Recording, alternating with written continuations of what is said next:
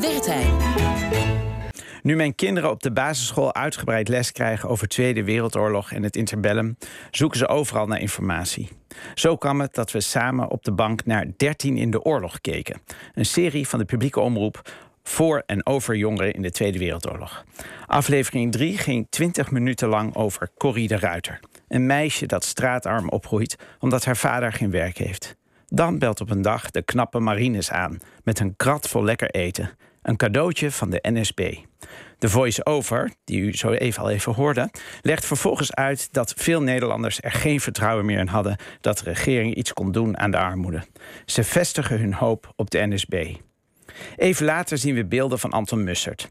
In plaats van uit te leggen dat de NSB antidemocratisch was, geweld verheerlijkte en met een giftige cocktail van antisemitisme en nationalisme mensen het hoofd op hol bracht, komen de programmamakers met een wel heel eenvoudige verklaring voor het succes van de NSB.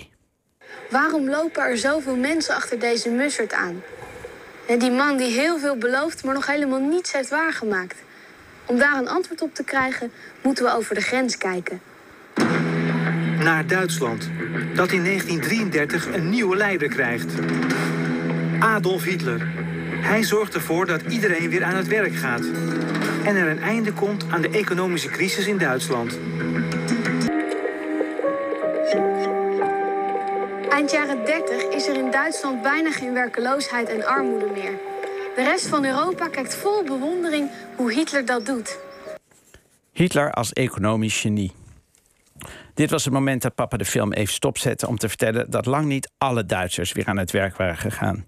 Zoals bijvoorbeeld onze familie, die niet alleen hun baan kwijt was geraakt door Hitler, maar zelfs voor hem had moeten vluchten. Misschien had ik het programma uit moeten zetten, maar daarvoor was uw columnist van dienst net iets te nieuwsgierig.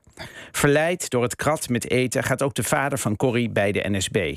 Als de Duitsland Nederland binnenvallen, wordt hij tot grote schrik van zijn dochter opgepakt. Maar iets later komt hij vrij en krijgt hij een mooie baan aangeboden.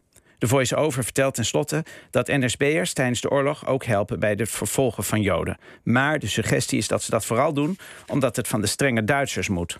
De rest van de uitzending gaat over hoe eng het voor Corrie is als het verzet een steen bij haar ouders door de ruit gooit. En hoe Nederlanders na de bevrijding alleen maar uit waren op wraak op landverraders.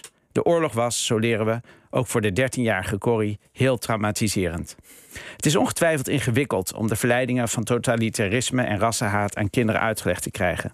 Toch lijkt mij de boodschap dat we allemaal uiteindelijk slachtoffers zijn niet alleen lui, maar ook een tikje gevaarlijk. Ja, dank je, Micha. En ja, we gaan nu echt van een verhaal over daders die tot slachtoffer worden gemaakt naar slachtoffers die op een bepaalde manier tot dader werden gemaakt.